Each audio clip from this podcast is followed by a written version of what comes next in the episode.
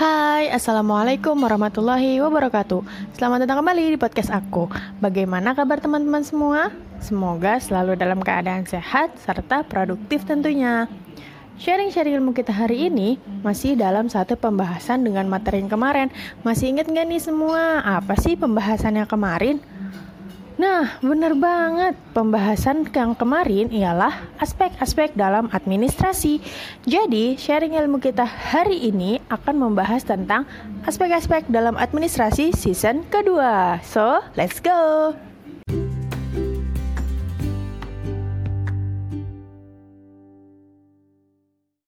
Aspek-aspek dalam administrasi season kedua ini terdiri dari satu Komunikasi dan koordinasi dua Efisiensi dan efektivitas serta yang ketiga kinerja dan produktivitas Membahas hal pertama tentang komunikasi dan koordinasi, tentu kalian tahu kan apa itu komunikasi? Bagaimana sih cara kerja komunikasi? Serta siapa saja yang terlibat dalam komunikasi?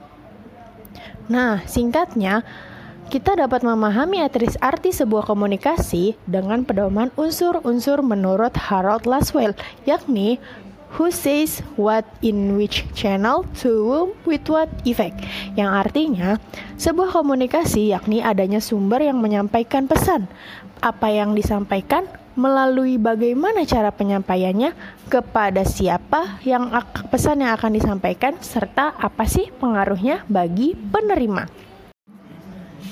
Proses komunikasi selalu terjadi dalam kehidupan sehari-hari kita, baik antara satu orang dengan orang yang lainnya ataupun secara perkelompok. Nah, adapun tingkat proses komunikasi atau macam komunikasi yakni yang pertama adanya komunikasi intrapribadi. Apa sih komunikasi intrapribadi? Komunikasi intrapribadi menjadi salah satu hal terpenting yang harus dimiliki individu. Kenapa?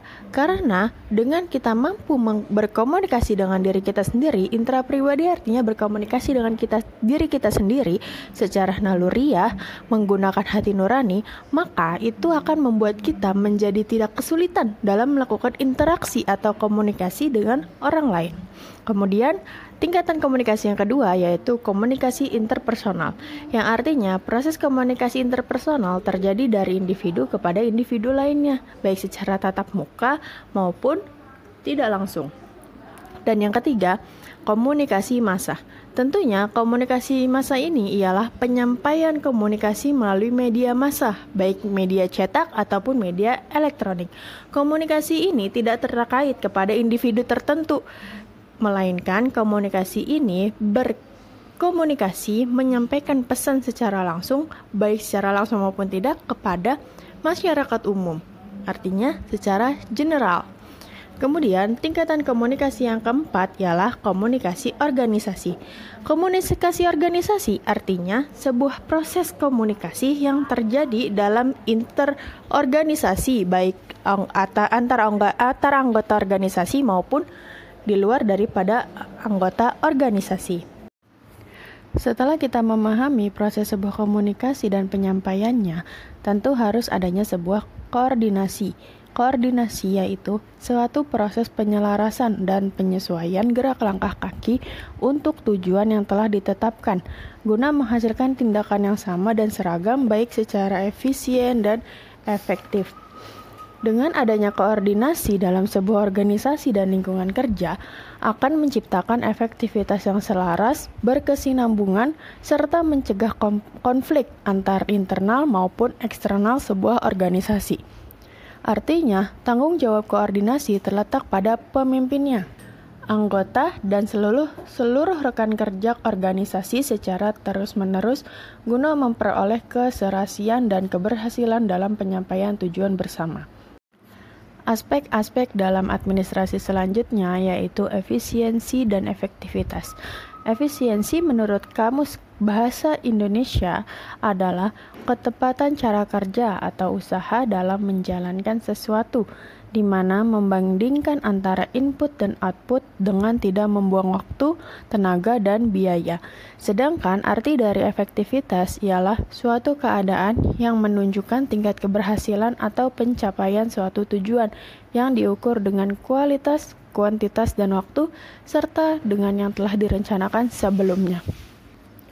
Perbedaan dari efisiensi dan efektivitas ialah dalam proses yang terjadi, di mana efisiensi lebih mengutamakan penghematan baik waktu, tenaga, biaya dengan cara praktis dan mudah, sedangkan efektivitas menyelesaikan dengan cara-cara yang sudah ditentukan, benar dan efektif. Efektivitas maupun efisien keduanya bertujuan untuk mencapai suatu kegiatan yang berhasil. Aspek-aspek dalam administrasi yang terakhir ialah kinerja dan produktivitas. Kinerja adalah penampilan hasil kerja seseorang baik secara kuantitas maupun kualitas dalam melaksanakan tugasnya sesuai dengan tanggung jawab yang diberikan. Produktivitas ialah sebuah konsep yang menggambarkan kaitan antara output atau hasil yang dicapai dengan sumber atau input yang digunakan untuk mencapai hasil akhir.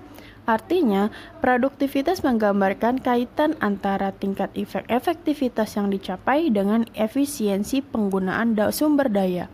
Sehingga dapat dibedakan bahwa kinerja merupakan hasil usaha dari sesuatu yang telah dikerjakan baik secara kualitas maupun kuantitas. Sedangkan produktivitas merupakan perbandingan antara hasil kerja output dengan sumber daya yang digunakan yakni input.